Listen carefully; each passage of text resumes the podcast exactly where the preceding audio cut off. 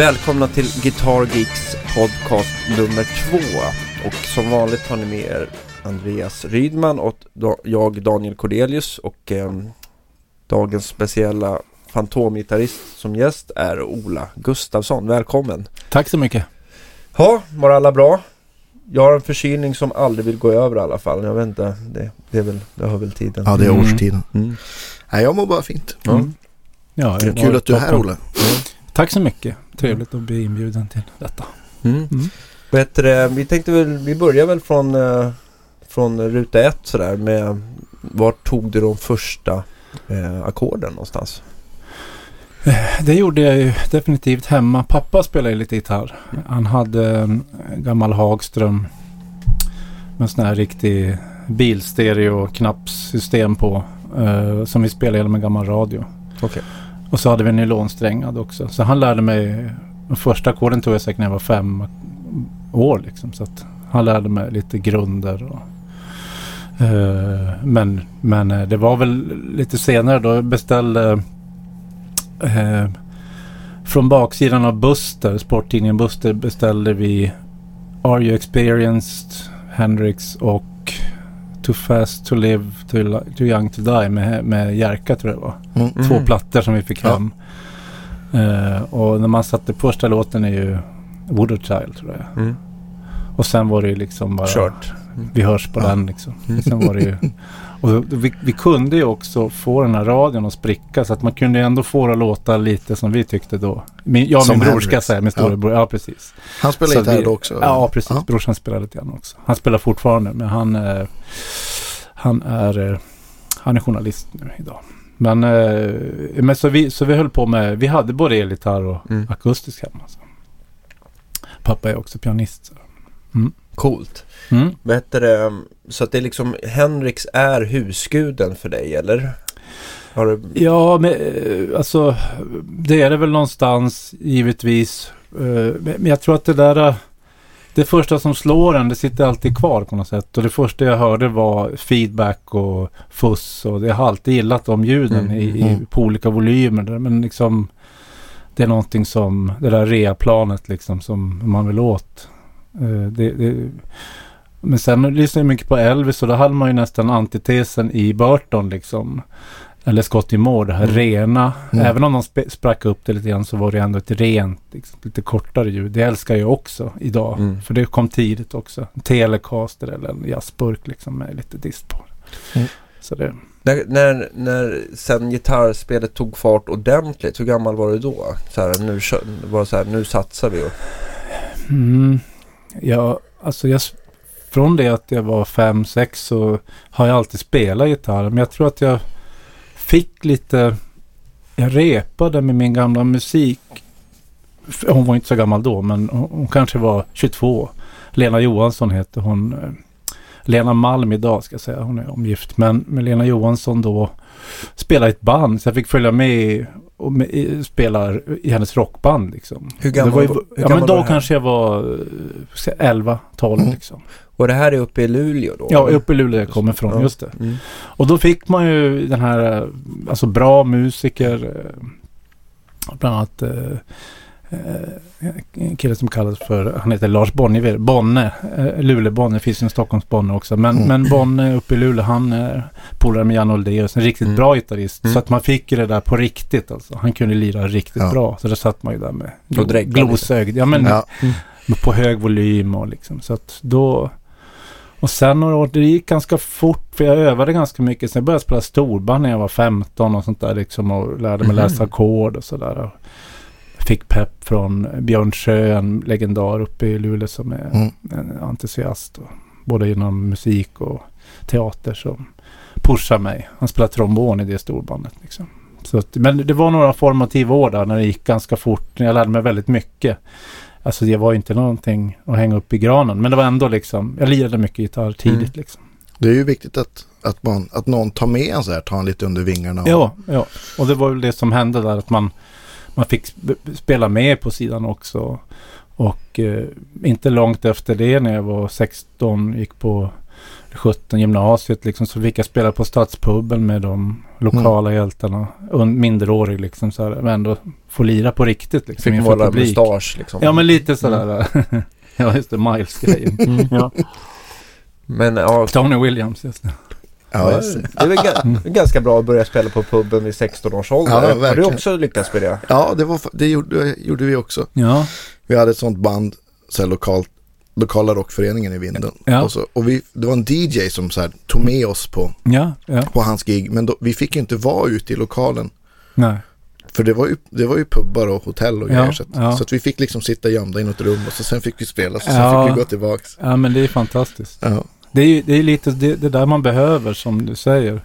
Att man får, man, man blir in, indragen i miljön på riktigt alltså. Det, mm. det, det, det, behövs någonstans på vägen tror jag. Att man, att man får. Men tänkte du vid den tiden att det här är det jag vill göra och liksom leva på? Eller liksom? Nej, jag, jag, jag tror inte att jag ens hade format en sån tanke. Jag, jag höll på väldigt mycket med idrott. Spelade hockey, fotboll och var... Jag var väl aldrig, aldrig riktigt duktig men jag var ganska bra. Så att jag, jag tyckte det var... Jag höll på ganska länge med idrott också. Uh, så, så, jag hade väl inte riktigt... Uh, liksom, nej, jag hade inte formulerat det än för mig själv. Och i den åldern så tänker man inte riktigt så kanske. Liksom. Det är klart att jag ville spela alltid. Mm. Alltså, jag har ju sett ditt stora idrottsintresse framförallt från Facebook där du är ja. en ganska hängiven Luleå-supporter. Ja, ja. Både basket Fanatiskt och... kanske vi kan.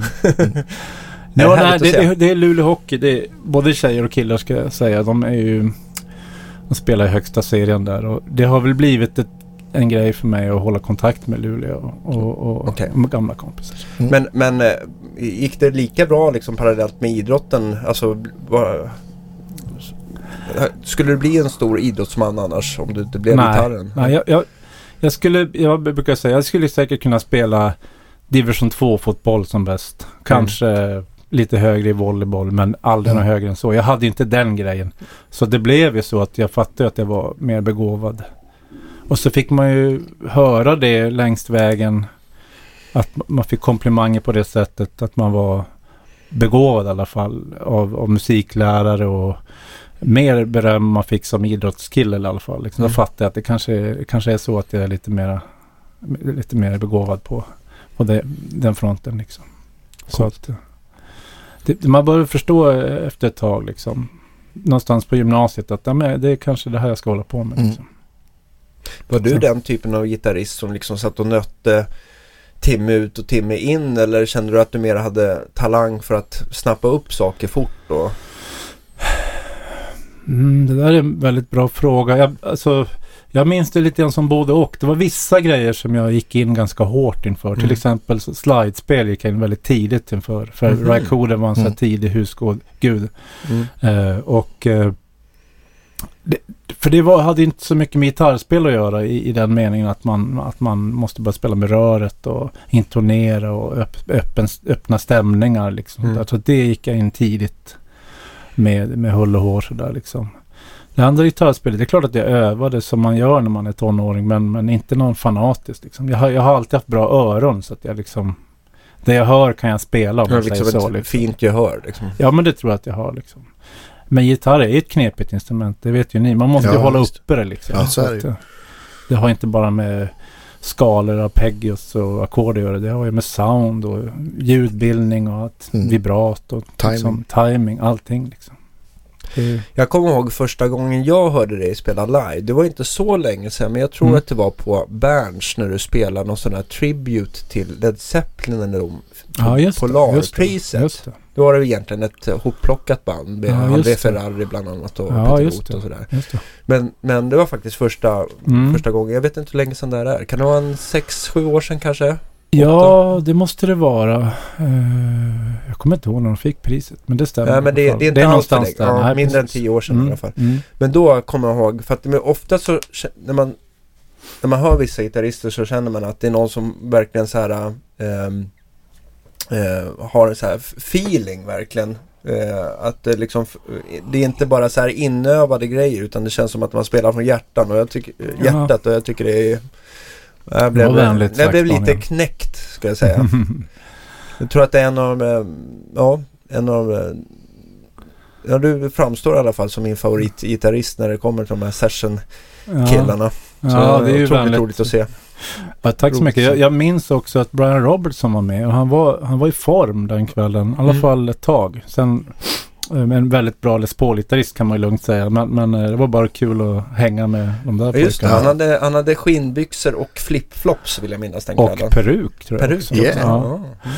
Flipflop. Jo, men det, det gjorde att vi träffades. Jag spelade in med Louis Hofsten och så i samma studio som Brian och då lirade jag på hans platta också. Mm -hmm. Bara för att vi var grannar och så lirade jag lite Dobra på hans platta. Men en väldigt trevlig eh, britt sådär liksom. Men eh, mm, han är i form ibland.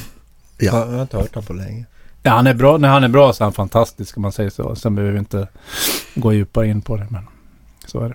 Man får hoppas att man har turen att se en på rätt en bra dag. Ja, en bra dag. Men det roliga var att man, man fick hälsa på Robert Plant. Det, var ju, det räckte för mig. Mm. Mm. Det var lite tungt.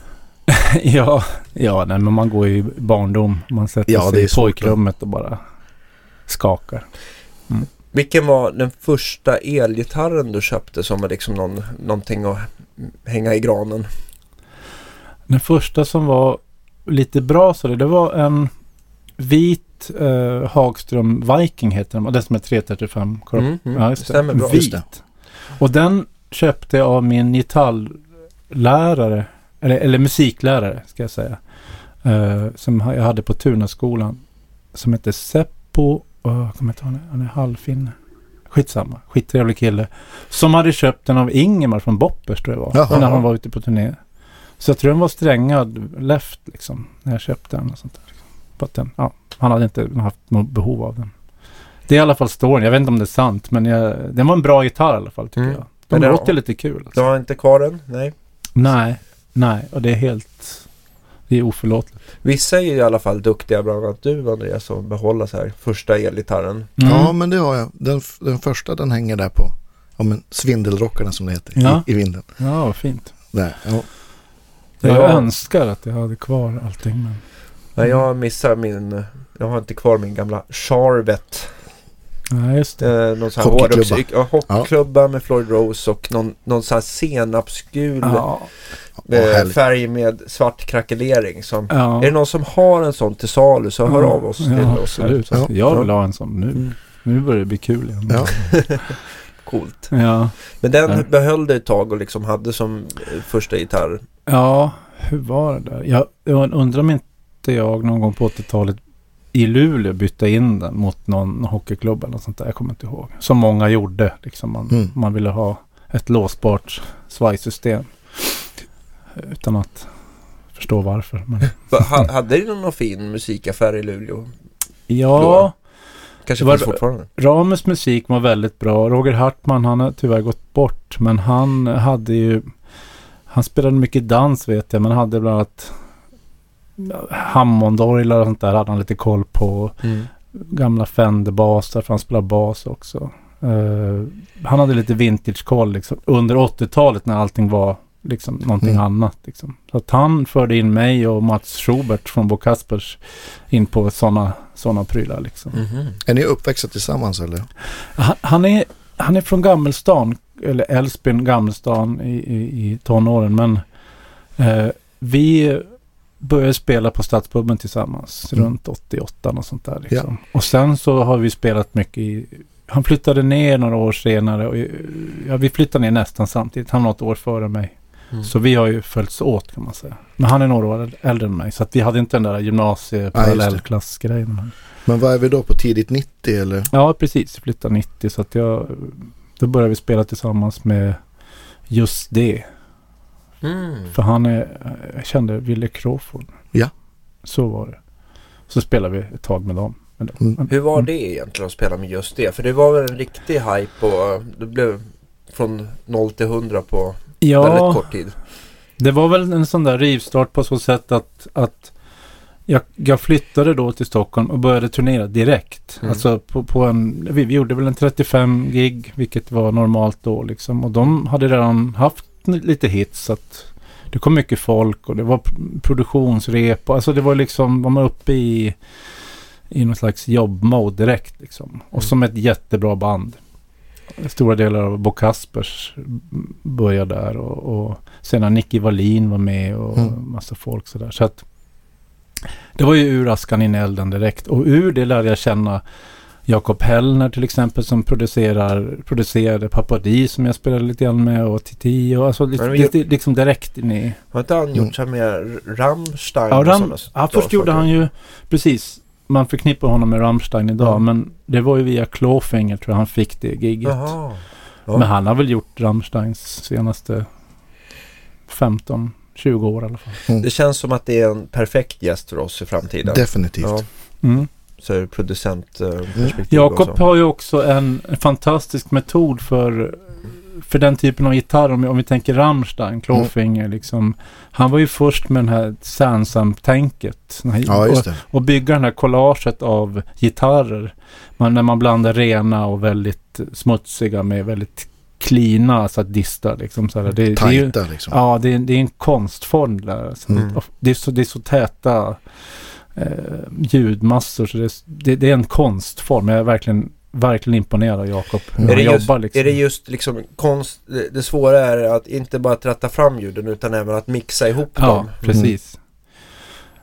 Det är väl någon sån här, en gitarr där, vänster, en där i höger, liksom, liksom generellt tänkt men hur man blandar dem. Det kan vara sju, åtta gitarrer som gör ett ljud. Liksom. Ja, så måste det väl vara en uh, fena på gitarr som, som spelar relativt ja, likt uh, absolut, mellan tagningarna. Mm, absolut. Ja, han är ingen, det är inte han som sitter och spelar men han är en ljudkonstnär tycker jag. Mm. Liksom. Och Rammstein-plattorna låter ju fantastiskt. Ja, liksom. oh ja, verkligen. Det är ingen ljudvärld som jag är van vid men jag älskar det ändå. Liksom. Mm. Det är, det är grymma musiker och, och liksom. Men han är, han är grym Jakob. Ja, så det, där har ni en bra gäst. Han ja, är väldigt trevlig. Det, och, absolut. Bra. Han, han ska vi ringa här mm. inom kort. Ja men det är kul. Det, det är också ett, ett, sätt att spela gitarr som är väldigt långt från ja, men det jag gör och kanske alla vi tre gör. Mm. Så det blir nästan mer perkusivt ja, på ett vis. Ja, och just att det är långt ifrån när man mer in, blir intressant också. För man, Exakt. man har alltid någon aning om eh, när någon är i, i samma familj så, där, så att säga. Mm. Nej, jag, jag, tycker jag är råimpad av metalmusik överhuvudtaget. Liksom. Jag mm. tänkte på, just när vi pratar om metal, några av de här Meshuggah-killarna måste vi hugga tag i så småningom ja, ja, Visst, Fredrik. Det, det ja, det är ju, de är ju monster på lia. Ja, herregud. Vilka musiker. Liksom. Ja. Men du har, mm. inte, du har inte haft möjligheten att liksom spela sån typ av gitarr eller producerat? Nej, det, det har jag inte gjort. Uh, av den enkla anledningen att jag inte är en sån musiker, säger jag. En, en, mm. En gitarrist. Liksom. Jag, jag, jag gillar den musiken och en anledning så har jag liksom bara inte... Jag har aldrig utövat den. Jag har aldrig hängt med sådana musiker. Så att det, det, har inte kommit... Jag har inte kommit till skott med sånt. Liksom. Mm. Det skulle vara kul att göra det någon gång. Liksom. Mm. Men nu, menar, liksom, känner man att det är så många som har utvecklat den grejen så långt så att man är så långt efter så att jag, jag njuter istället och lyssnar. Liksom. Men ibland så jobbar man med sådana i, små doser, sådana ljud. Mm. Uh, jag lånade en Rectifier ett tag och hade på inspelningar. Det är skitkul att jobba med den typen av så här tät. Finkornig. Finkornig lettisk mm. schlagerdist. liksom. Nej men det, det är roligt, det är bara ett ljud. Alltså, ja. det, det är man kan använda det till vad som helst. Men de använder ju som du säger det här lågbasiga, perkussiva som är, det är ju fett liksom. Ja, oh, ja. skopad mid. Ja. Jag kommer ja. ihåg, jag är ju troligt eller jag är en gammal hårdrockare, långt hår och tyckte att det, det där mm. var det fränaste som fanns och Pantera och det där. Ja. Men jag visst. tror att Rectifying kom någonstans där runt Metallicas svarta skiva. Just det, just det. 90, exakt. 91, det var ju där man började höra det. Mm.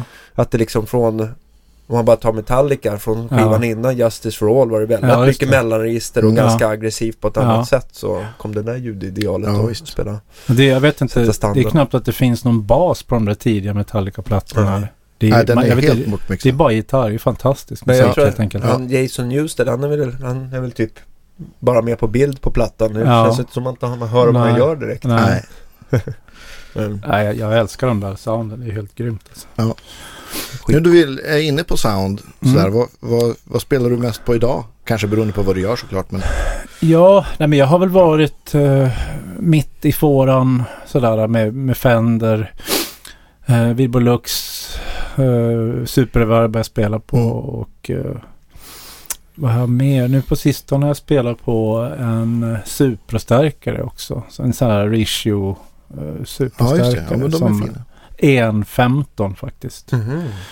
Lite slö högtalare sådär. Men jag vet inte, jag gillar den där. Det är kul att spela stilgitarr i också. Har den, den reverb den? Nej, det är bara Nej, volym och ton. Ja, just det. Och så sen när jag köpte jag en, eh, om vi pratar andra märken, så köpte jag en uh, Three Monkeys starkare. De är uh, snygga. Ja, och den spricker snyggt tycker jag. Men det är en sån där, man ska som spela på den ganska högt. Ja. Så den är kul att spela in med. Den får nästan så lite voxig, fussig. Mm. Är det EL84 liksom. eller? Ja, det så, är det. Ja. Mm. ja. Jo, det. Det är en av de sexigaste stärkare tillverkarna. Ja, den är väldigt ja, snygg ja. där den liksom. Men jag, jag, tycker den spelar, den spelar på. Den är inte så tjusig liksom. Den, är, mm. den, den, den har en ganska, den har bra bett liksom. Bra knuff. Den har jag haft kul Ja, precis. Mm. Men det är väl därför jag tycker det är kul och, och när man byter gitarr ska man höra att det är en en 335 och när byter man till en tele ska man höra att det är en tele i grunden. Ja, Sen kan man liksom, men vissa starkare liksom, de är inte nog transparenta tycker jag. Så det, det, det, tycker jag den har, precis som mm. typ en superreverb. Men det jag har inga liksom, inga superprylar som att komma med några nya märken. Det har jag inte. Nej, det var roligt för för oss och våra ja. lyssnare att veta. Men är du så här som håller på liksom byter mickar i gitarrerna en gång i månaden eller, eller, eller kör du och Nej, byter upp och kör? För mig, det, jag är en sån där gitarrist som är egentligen horribel gäst för er på det sättet att jag inte kan så mycket och inte så intresserad av vad allting heter och när det, vem som gör det och att det finns någon prestige i märken utan jag, jag går på rekommendationer oftast av Antingen så är det Astner eller också är det Mattias Torell. Ja, Framförallt de... Mattias som, som vi spelar mycket tennis ihop och han testar ju väldigt mycket grejer och har så bra koll. Så att han mm. brukar säga, ja men det här måste du testa och då gör jag det. Men jag byter ju bara mickar om jag, om jag verkligen tycker att nej, nu, nu vill jag ha något nytt. Men... Kan man säga så mycket så bättre Mattias är på det området, så mycket bättre är du på honom på tennis? Liksom. Ja, det ja. tycker jag är bra. Mm. Det finns en så, pen, så svingar den pendeln tycker jag. Ja. Så, så säger vi så. Nej, men jag, jag, är intresserad av ljud. Jag är inte intresserad av prylar. Och det är mm. egentligen en, en efter kontradikation. Men jag, jag, jag menar bara att liksom jag, jag går inte in i det på det sättet. Liksom. Det är därför jag frågar er. Mm. Men det, det, det kan mer kännas att nu känns strattan lite tråkig. Jag ja, måste precis. göra någonting. Jag ringer Mattias. Ja, ofta mm. om jag inte gjort någonting med gitarr på, säg två år. Mm. Och så ger den till dig eller till dig. Men mm. då, då kommer du, då har det kommit nya grejer som mm. du kan rekommendera eller Mattias säger någonting och då, då, kom, då vet jag att det kommer bli bättre. Liksom. Men jag känner ju oftast när man eh, jag gillar inte bara byta mickar heller riktigt åt Nej. folk utan man vill ju oftast lösa problem. Ja, så att vissa visst. gitarrer som är mörka eller så här folk mm. vill ha dem brightare eller åt mm. något håll så kan man ju alltid försöka hjälpa ja. på det sättet då istället för bara löda i någonting. Ja, men, ja men visst, det beror ju på hur gitarren är från början också. Ja absolut, jag, jag är väl mera intresserad av de fysiska aspekterna, alltså i trät och bandstavar och Mm. Hur den sitter ihop och så, så att man hör att den klingar bra. Mm. Inte, ibland står, står ni och klubbar strater så här så att de ska sitta ihop bättre och sådana där tricks. Det vågar inte jag göra men det ska ju, det ska ju klinga ihop liksom. Jag känner sådär när det gäller eh, när det gäller just att klubba ihop och dra åt alla skruvar till mm. max så tycker jag sällan att det hjälper. Ja men... Eh, jag, alltså jag förstår att folk gör det men jag har märkt i alla fall, eller av eget experimenterande och även att förstöra instrument. Mm. Ja, att det, jag tycker verkligen inte att det liksom är någon magi av att allt sitter extra hårt eller någonting. Ja, Snarare att det liksom... Att det ser kanske... lite obehagligt ut om ja. annat. Om man har favorithelen i blir klubbad som en säl. Ja. ja. Jag tycker inte att det har hjälpt i alla fall. Men, Nej. men, eh, Nej, men jag, alltså rent generellt vad det gäller tonbildning och sound och sånt så har jag alltid varit en jag har spelat så mycket akustisk gitarr genom, mm. genom åren och tycker det fortfarande är minst lika kul som att spela elgitarr. Så mm. jag tycker tonbildning börjar där. Alltså att man måste ha fysiken, ska, mm. alltså den ska sitta bra i halsen, ska sitta bra i händerna. Eh, kroppen, allting ska kännas fysiskt bra. Liksom. Sen mm. kan det vara en skitgitarr från italiensk discogitarr från 40 Det spelar ingen roll. Liksom. Det, det, är där det börjar. Liksom. Så att du kan, om du gillar att bända mycket, att det känns bra. Liksom. Om, om, du, om det funkar med tjocka strängar som du gillar. Liksom sådär. Så mm. för mig är det en fysisk grej sound. Alltså den, mm. det, det, det, det lirar ihop liksom. Sådär. Är du lite som jag att du gärna vill känna någon form av lite motstånd i gitarren? Att mm. du har lite tjockare strängar? Mm. 011 eller någonting sånt eller? Det, jag, 011 har jag på vissa gitarrer men framförallt kanske jag har lite högre stränghöjd. Mm, jag vill ha okay. det tuggmotståndet så att ja, säga. Jag har svårt att spela på gitarrer som har låg stränghöjd. Det är liksom att det springer iväg för mig. Mm. Och jag har aldrig varit någon gitarrist som har den faciliteten vad gäller speed och sådär. Utan jag har aldrig spelat fort på gitarren. Eh, utan jag gillar ton liksom och det vokala med gitarren. Liksom, mm. Får den att sjunga sådär liksom. Och då är det ju skönt med lite stränghöjd. Ja, det blir ju framför, jag tycker att får man upp stränghöjden lite grann så det blir ju klart stor skillnad mm. på ton. Ja. Just att inte strängarna tar i bandet efter och att Nej. det blir lite cleanare ja, och inte lika rassligt. Ja. ja men det är ju också jag personligen, jag spelar ganska hårt så jag kan mm. inte ha för låg stränghöjd bara det. för det. Nej, precis. Ja, det påverkar ju tajmingen. Det är ju milli, millisekunder vi pratar men det är ändå jag tycker att det är ungefär som med, med aktiv elektronik i mikrofonen. Det kommer för snabbt ljudet så... Mm. Det är som vi pratar om det här med rectifier och sådana gitarrer mm. så... Jag har svårt att spela på det ljudet, men det är bara för att jag inte har övat på det. Men Nej, det, går, det kommer för snabbt. Det blir för liksom. komprimerat och precis, lätt liksom. Precis, mm. Men det är ju det är bara en övningsfråga liksom. Jag tror att du fixar det där galant. Ja, ja, ja, ja jag, jag, jag längtar. Jag ska köpa en sjusträngad jämngitarr imorgon bara därför. bara köra. Mm. Jag ska ja. hålla ögonen öppna. Ja, nej men det, jag, som sagt, jag, jag, jag ser ingen prestige att det måste vara lite så i den värld jag, ska man säga, i blues, uh, R&B och country, rock'n'roll-världen så finns det en viss snobbism. Man ska ha vissa prylar och man ska ha viss mm. rätta skor och hattar och sånt där. Men jag är inte inblandad i det. Så att det skulle vara kul att komma till Stampen med en järngitarr. Ja, visst. Men jag kommer nog inte göra det. Med risk för utkast. Mm. du, du har ju också producerat en massa musik. Lasse mm. Winnerbäck bland annat. Och mm. hur, hur, hur började du med det? Var det för att du spelade med artisterna? Ja, Lasse gjorde jag två skivor med. Vi gjorde, vi gjorde tre, en liveplatta också. Men, men eh, eh, då spelade jag med Elin Ruth. Eh, bara hon och jag innan Lasse, när Lasse hade Hovet som band. Just det. Mm -hmm. Och då spelade jag på rätt mycket med Elin. Jag spelade massa mandolin och eh, hade massa solen, mycket akustiskt. Det tyckte Lasse var kul. Så att vi, började, liksom, vi började prata och redan under turnén tror jag började vi jamma ganska mycket. Så no några år senare så när han ska göra sin nästa platta så hörde han av sig. För att han ville göra en akustisk, lite Pogues, en irländsk rockplatta liksom, ja, med mycket gjorde vi en platta som heter Daugava. Spelade vi in utanför Dublin. Och eh, det var så det började. Så gjorde vi några turnéer, tre, fyra turnéer på det och sen en till platta med turnéer på det. Liksom. Så det var, det var väl fem år där som mm. gick. Mm. Idag är det, eh, om man tittar liksom eh, är det, ägnar du mer tid åt producerande eller spelar du väldigt mycket fortfarande?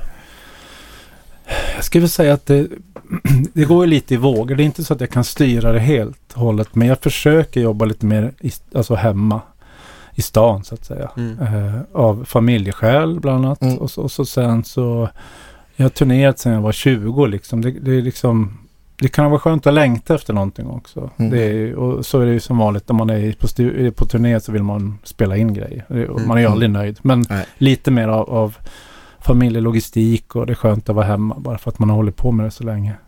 Så jag försöker jobba mer hemma men det är kul att turnera också. Alltså det är ju väldigt roligt att vara ute och spela. Ja, har du, men det är 50-50 ska jag säga fortfarande. Okay, okay. Mm. Har, du, har du räknat någonstans på hur många gigs du har liksom avverkat? Nej, det har jag inte gjort. Inte, inte gigs, men jag, alltså rena live-gigs. Ja. Men jag räknade någon gång kanske efter jag hade bott i 15 år eller sånt där. Jag gjorde någon liten avräkning där. Då hade jag räknat ut att jag jobbat i snitt tre arbetsdagar i veckan under de 15 åren. Och det är ju ganska lite jämfört med att ha ett kontorsjobb. Ja. Alltså det är två dagar mindre arbetsdag i alla fall. Det tyckte jag var ganska härligt. Jag kunde spela tennis och... Mm. Så då tänkte jag att nej, men det är ett ganska bra liv det här ändå. Jag fortsätter ja. en stund till. Liksom. Ja. Men eh, tio år senare nu så är det ungefär samma. Liksom. Och du har inget så här något, något eh, rekordår av att eh, du har spräckt eh, se oss många Ja, maximalt antal gig under en säsong? Ja, det är en bra fråga. Jag har inte räknat på det. Kanske när, jag spelade mycket med Lasse där att det var då gjorde jag också mycket inspelningar med annat. Liksom. Mm. Om man räknar dagar i studio ja. så, så var det nog väldigt mycket det året. Efter Daug var plattan tror jag. Det var jobb hela, hela tiden. Mm. Liksom. Men jag, jag är inte den, jag är varken karriärist eller intresserad av att att bränna på så hårt. Jag tror att det är bra att ta pauser. För mig är det det i alla fall. Mm. För att hitta, lyssna på ny musik och få lite infallsvinklar. Det är lätt att man bara kör på och så blir man liksom lite, stagnerar man någonstans på vägen. Det är ganska lätt för alla att hamna i liksom. Ja, ja, visst. Har du känt det liksom nära att du har gått, nästan bränt ut det på, ja, på jobbet så att säga? Kanske att jag har haft det var väl precis innan Lasse där tror jag det var lite så att jag visste inte riktigt vad jag skulle göra. Jag, var, jag tyckte det var kul att spela. Det är alltid kul att lira men mm. idén om att spela på ett nytt sätt fanns inte där liksom. Uh, och, och det, var, det var en svacka, det tyckte jag det var liksom. Men sen kom Lasse-grejen och det var det jättekul igen liksom. Mm. Så att det, jag tror det är bra att vara ärlig mot sig själv för att jag menar så intressant är definitivt inte jag. Så att jag bara kan göra samma grej. Jag måste försöka liksom uppfinna mig på vägen då och då. Liksom, för att det ska bli kul för mig själv för, till att börja med. Och mm. För de man spelar med. Liksom. Det, och det kan ju vara detaljer. Det kan ju vara att byta plektrum, liksom, tjocklek till, till ganska stora förändringar. Liksom. Men ja, nej, men det, det, tror jag är viktigt. Mm. Mm. För jag, jag bara tänkte, eh, efter just det, vad blev det då i kalendern? Då spelade jag med spelade jag med Papadi och så spelade jag med, ska vi tänka efter här, vad var det? Stefan Andersson spelade med, mm. en Göteborgskille ja. som var jättestor på 90-talet. Catch the Moon. Ja, precis. Uh, vad spelade mer med? Ledin spelade med ett år. Eva Dahlgren kom ganska snabbt efter det. Lundell. Uh, Eagle Eye Cherry också va? Eagle Eye Cherry spelade lite grann. Men då spelade jag med Mattias. Det var ja, ju svinkul. Alltså. Ja. Och eh, vad jag spelat med mer än de där åren. Det är massor. Marie Fredriksson. Jag läste någonstans om Britney Spears. Men det är lite senare va? Ja, vad var det? 2000 någonting. Jag spelade på hennes platta bara. De, ja. de, hon kom, alla, alla kom ju till, till Cheiron-studion. Ja, och, och Per och vad heter han, David och Max liksom det var, ju, det var ju där de spelade in skivorna. Så, ja. att, så det var inte så konstigt att vi spelade på... Jag spelade inte på så många sådana grejer men det var ju som för oss, det var ett vanligt gig men ja. det var bara att det var dem. Vad heter mm. de? Backstreet Boys och allt det där. Det blev ju som en bra arbetsplats för massa musiker liksom. Så och producenter en, ska man väl säga. Så du var en av de gitarristerna som, som uh, fick uh, jobba på hårt där? Och, nej, nej. Det var typ den grejen och någon till jag gjorde. Så jag gjorde bara typ ja, kanske tre, fyra inspelningar. Men okay. det, det fanns ju de som satt där hela dagarna liksom. Som, Uh, Esbjörn Örvall kanske? Ja, va? precis. Mm. Esbjörn och uh, Blimberg, Thomas Blimberg på bas där. Satt ju hela dagarna där också. Och gjorde det svinbra liksom. Mm. Men, men uh, nej, det var jag inte så mycket. Men det var det några gånger i alla fall. Coolt. Det är roligt. Ja, roligt absolut. Att, i CVt sådär. ja. Är det något, jag tänkte så här när vi pratade med, med Aster förra veckan att, mm. att han, han hade ju nästan sitt livs ögonblick det var när mm. han fick eh, Ray Charles att liksom skrika rätt ut av extas under ett mm. äh, av hans gitarrsolon. Ja. Har, har, du något sånt där minne som, som du aldrig kommer glömma? Att så här, roligare än så här blir det liksom inte. Ja, för det första kan jag säga att jag förstår att Ray Charles ropar, ropar glädjetjut när Staffan spelar. Jo, men jag vet inte. Det, det, det, det, finns så många där man känner att man, att, att man har varit med i ett sammanhang också. Jag kan väl berätta ett som var vi spelade i New Orleans med Ebba Forsberg eh, på House of Blues i New Orleans. Och, Asfränt ställe. Ja, jätteskönt ställe att spela på. Vi gjorde ett bra gig. Och Ebba Forsberg var då signad på Maverick Records, Madonnas skivbolag då. Uh, och vi fick höra att Ellen Toussaint var, gillade henne, gillade plattan. Mm -hmm. Framförallt. Det fick ju alltid gå så. Ja, ja, ja, ja, men det bara det liksom var ju kul. Och, uh, uh, han var i stan och vi visste inte någonting. Men så, så gjorde vi gigget och efter gigget så kommer han in i låsen. Stiligt klädd, som man alltid sett honom. Liksom, mm. Kritstreck, randig och, och sandaler. Sådär. Jätte lukta gott och sådär. Och, och var så skön liksom och berömde oss för att vi var bra musikanter, att vi var bra låtar och bra framfört. Du vet, man, man står ju bara mm.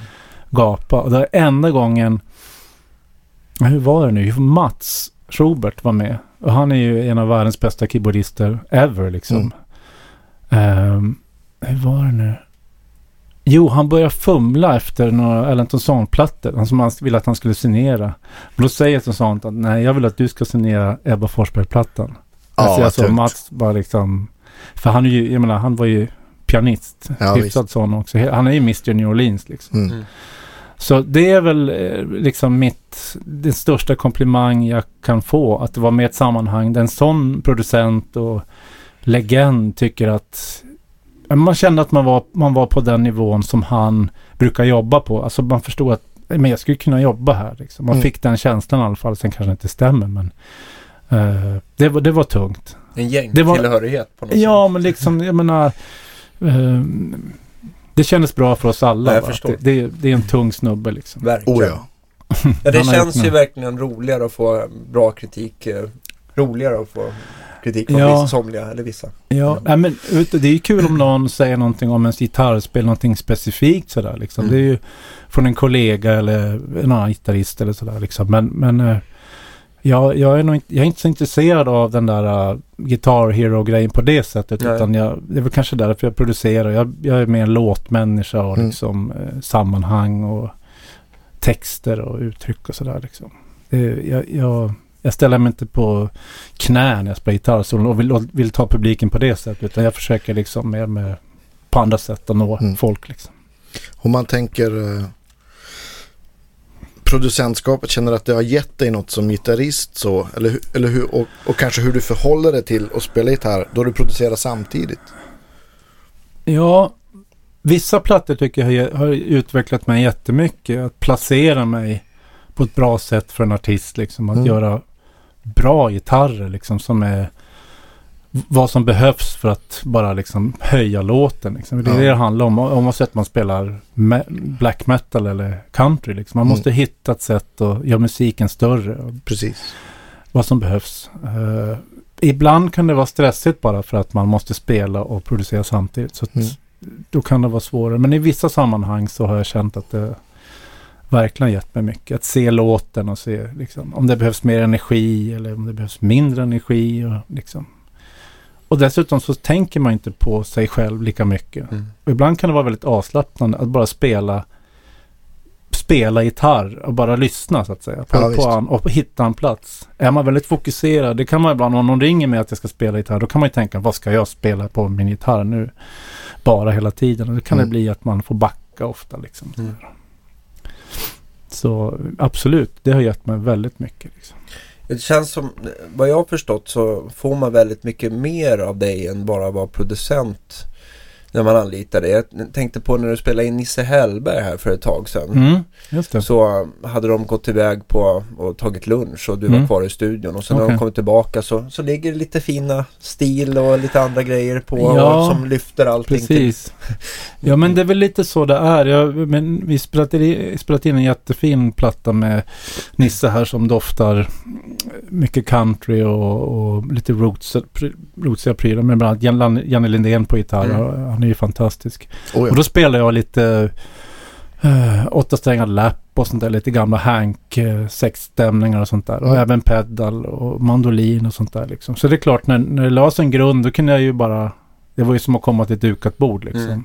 Strössla på lite. Ja, precis. Ja, men det tycker jag är kul för att uh, det, mat och potatis först och så sen kan man lägga en liten, ja vad det nu kan mm. vara liksom. Eh, ja men det var, det var jättekul att spela med Nisses band också. När kommer den skivan? Eller har den släppts Jag precis? tror att den kommer snart. Jag pratade med Nisse på vägen hit faktiskt. Jaha. För att ja, vi hade något datum där vi skulle försöka lösa. Ja. Eh, ja men den kommer snart. Tror jag. ve- Ja, jag har vet, faktiskt inte datumet klart för mig. vet du vad den kommer heta?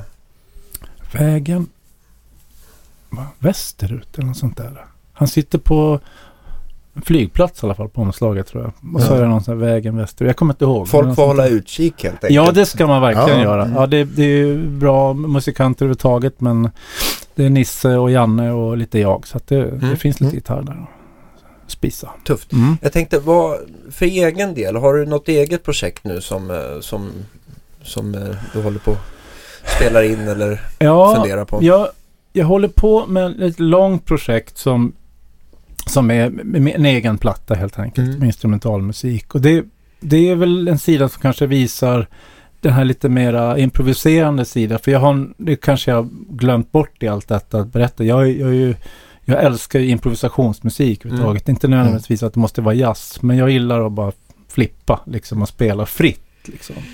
Säkert en, en, jag, jag en spegel. det. Ja, men jag, jag, gillar liksom att chansa och spela in live och bara låta det hända sådär. Så att det, det är någonting som ligger, nu har jag ganska mycket låtar klara. Men Mm. så vill, när, man vill, när man vill ringa en Goran Kaifes så, så har han ju 500 gig om året. Så att, men det är lite sånt som logistik och Mm. eh, ruskträsk och sådana där personer vill, vill man ha med liksom. Mm. Där, lite blåsare har jag tänkt ha med liksom. Mm. Så det är mera i den klangvärlden liksom. Mm. Att, eh, eh, men sen håller jag och Jesper Nordenström och Lars Skoglund och Jerker Odeholm håller också på med en liten pryl som vi har spelat in några låtar på Atlantis bland annat. Mm. Det är instrumentalmusik också. Lite, det är mer någon form av bara lite något flum, flumrockprojekt liksom. Mm.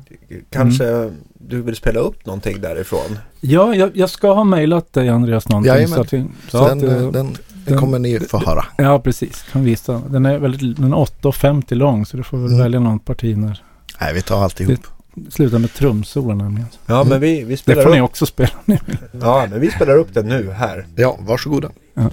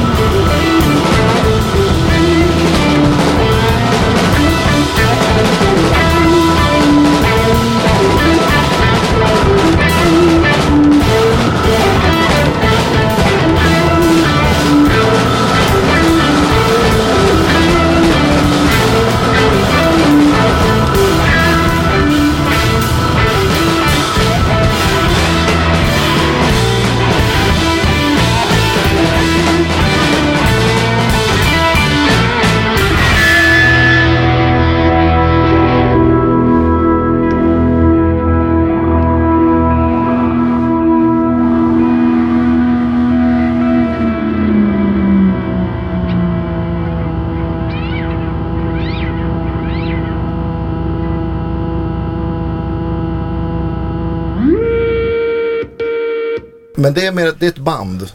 Ja, vi, vi, vi har för ambition att göra den här plattan och sen lira lite grann på det. Bara för Mm. att det är så fruktansvärt kul att spela med sådana kissekatter. De är ju helt sjuka i huvudet allihop. Men, men eh, eh, det är en annan sida kan man säga. Liksom. Mm. Eh, Lite grann, lite fussigare och lite mer Hendrix blandat med lite Mellanöstern och lite konstigheter. Ja, så lite det blir kul. Miles fick jag Lite Miles, på ja precis. Nej, men det, det är bara musik. Som, Jesper skrev någon låt.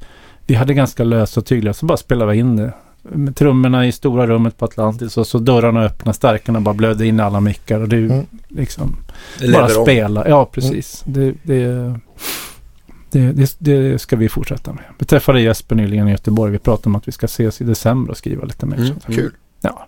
Ja, det ser vi fram emot. Finns det Ja. ett Och är låtarna nio minuter så behövs det ju bara två, tre låtar till. Ja, Finns, det, finns det något namn på detta? Nej, vi har ingen Mirakel. namn än, det, men det, det, ni, får, ni får höra av er. Så får ni Precis, deppa oss. kom med förslag. Ja, Nej, men vi precis. lägger ut, så fort, så fort vi vet så lägger vi ut det Ja, på sidan. precis. Ja, men jag återkommer med Ja. det. Ja. Mm. Grymt. Vad hade du för, för roliga saker på den inspelningen om man ska återanknyta lite till prylar? Tänker Då- pedalbord och... Ja, då spelade jag egentligen bara, eh, det var Three Monkeys-stärkaren blandat med en superreverb var det. Eh, Mm. De gick samtidigt. Eh, med öppen dörr, så gick in i trummickarna sådär. Uh, sen spelade jag SG på hela inspelningen. Och så, vad heter den? Den Octafus har jag som går neråt och uppåt. Som jag hade lite på hela tiden. Fox Rocks. Ja, tror Mm. att den heter. En silver. Exakt. Jättebra pedal, jätterolig att leka med. Mm. Och sen, vad hade jag inkopplat mer? Jag hade lite wow förstås. Och så sen... Jag hade nog... Uh, Strymon, det stora ekot, Big Sky hade jag på något, på något stick där också. Ja, så, men sen var det nog bara det tror jag. Mm. Eh, den här, vad heter den där overdrive-pedalen? Eller Ja, nej? precis. Nej, men jag tänkte på den overdrive-pedal jag har med den här kentauren på. Klon. Klon, ja just det. En sån där hade jag också. Bara för att värma upp det lite. Ja. Men det var inga hemligheter. Så det Nej. var inga konstigheter ska jag säga. Har du liksom strikta eller bestämda åsikter om hur din gitarr alltid ska mickas upp från, alltså på stärkan? Eller, eller lät du Janne som har Atlantis eh, få köra sitt race? Det kan vara kul med, med om typ Janne gör det. Ja. Om han har en idé, då lyssnar man ju direkt. Men annars är jag ganska noga. Ja. Typ 57 AKG 414 i varsin. Det brukar jag köra liksom. Och så försöker jag alltid ha en distansmick om det finns ett bra rum att jobba med Ja, liksom. visst. Och det får man ofta slåss för liksom. För det, det kan vara lite... Många tekniker, producenter som inte riktigt förstår meningen med att ha en mick. En ifrån. Ja, visst. Vad- Det är svårt att jobba med liksom. Mm. Men ibland kan det vara snyggt att ha en mick på andra sidan. Man stänger en dörr och har den på andra sidan. Bara för att det blir någon sån något reverb som ligger där. Med Alltså, ambient. Ja, eh, bara någonting. Eh, men annars så finns det väl den här 57, 57 bakom varann också. Jag läste någon gammal Van Halen uppmickning där som Ja, är lite det. intressant. Det kan bli rätt facit. Jag har inte riktigt fått till det där. Nej, men sen, jag, jag brukar vara ganska hård på det. Liksom. Man vill ju att det ska låta bra och man ska känna igen sitt sound och sådär. Liksom. Men ibland är det bråttom och ibland finns det inte mickar och då får man anpassa sig. Liksom. Ja. Men ett sånt här projekt när man gör sin egen grej, då är det klart att då bestämmer man ju vad man vill ha. Liksom. Mm. Men med Janne så är det ju, om han säger att det ska vara någonting så gör man ju bara vad han säger. Det blir ju bra liksom. Är det din favoritstudio i Svedala? Ja, det måste jag säga. Mm. Alltså det, det, det är ju bästa studion om man håller på med levande musik. Att man spelar in det live. Att man, dels för att alla får plats. Eh, det finns Mm. så bra rum. Det låter så bra där. Bordet är fantastiskt. Bra Mm. ljudtekniker givetvis. Mm. Bra mickar. Eh, ja men det, det är en vibb också. Man mår bra när man är där. Men du liksom. får feeling helt Ja, Det är ju lite klassisk mark kan man väl lugnt säga också. Det, det är ju sånt som påverkar också. Ja, Och, och det är så trevligt att hänga med, med Lalla och Janne. Alltså man, man blir glad när man är där liksom. Mm. Så att man mår ju alltid toppen. Det är ju mysigt liksom. Uh, det, det påverkar ju. Alltså. Eh, det är klart att det kostar en slant att vara där men, men det tycker jag det är värt. Mm. Tycker jag verkligen. Får se Ja. till att vara välrepeterad. Så att Precis. Ja, ja det, det underlättar. Ja, precis. Kanske där man får spara in pengar. Men jag tänkte på, vi har ju en, en liten så här återkommande avslutningsfråga på varje Mm. program. Och det är ju när det börjar brinna hemma. Mhm. Så, så måste man greppa en sak som man ska ta med, rädda då från den här branden. Vad, vad, vad väljer du i din arsenal? Mm, det är en bra fråga. Men jag tror jag skulle ta min Trini eh, Lopez eh, från 68. Den, jag har haft den ganska länge nu och jag, jag återkommer ofta till den. Det är liksom min, det är min favoritgitarr tror jag. Liksom. Mm. Det är någonting med den. känns bra i mina händer sådär liksom. Det är en kompis. Tycker den låter fint också. Alltså. Den ska jag Otroligt snygg gitarr. Det är alltså Oh ja. en, en röd 335 med lite andra F-hål och ett Firebird-huvud mer eller mindre. Ja, Mm. precis. Six in a row huvudet. Nej, men jag, jag, jag, det var ju helt klart för att Sett, Svenne Zetterberg hade en sån. Mm. Mm. Och så, så var det klart, jag ville ha en sån. Och då hade de en på Tipptopp. Typ bara några dagar efter jag hade sett han spela. Mm. Så att det blev ju köpt direkt liksom. Ja. Så att, men han är en hjälte för mig så att det, det kan jag känna. Svenne, ja, han är väl en av dem som har inspirerat. Jag tycker liksom att är han är bäst på det sättet att han, han, är, han har ju allting, hela paketet. Han är en fantastisk sångare. Eh, det som greppar en först är hans sång liksom. Mm. Eh, munspelet ska vi inte ens prata om liksom. Och så har han gitarrspelet på det också. Så det är som, han är ju bara en maskin av Och, brahet en, liksom. och en, en eh, fantastisk artist överhuvudtaget. Ja, precis, Man blir ju exakt. underhållen verkligen. Han bjuder Ja. på sig själv. det är inte att han håller på och spexar järnet. Men Nej. att det, man känner att det här är, Ja. på, det är på riktigt. Liksom. Ja, Men sen, eh, jag pratade med Tommy Kassem om det där som jag träffade nyligen, in, spelade in.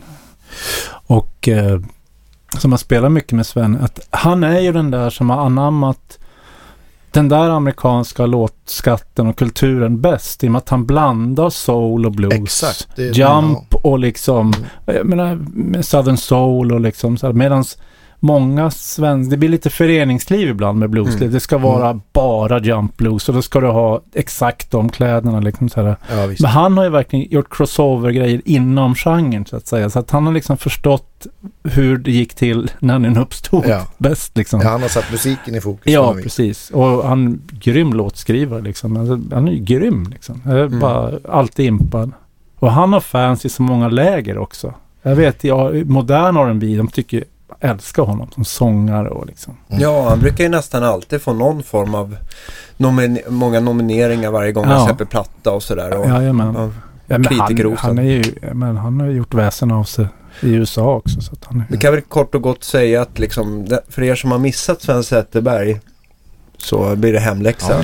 Ja, det blir hemläxa, Mm. det blir ett samtal på, på Ja, jag, rektorsexpeditionen. har, jag har samtalat med Sven om att medverka så att ett program med Sven det kommer. Vi får vi se om det hinns med i år eller början på nästa. Men, Mm. eh, Ja, han ser tydligen vara bättre i axeln nu också. Han Det illa sig. Ja, han Ja. ramlade när han skulle hjälpa en turist. Här. Ja, det var så sjuk story liksom. Så, så mycket för godhet här i världen.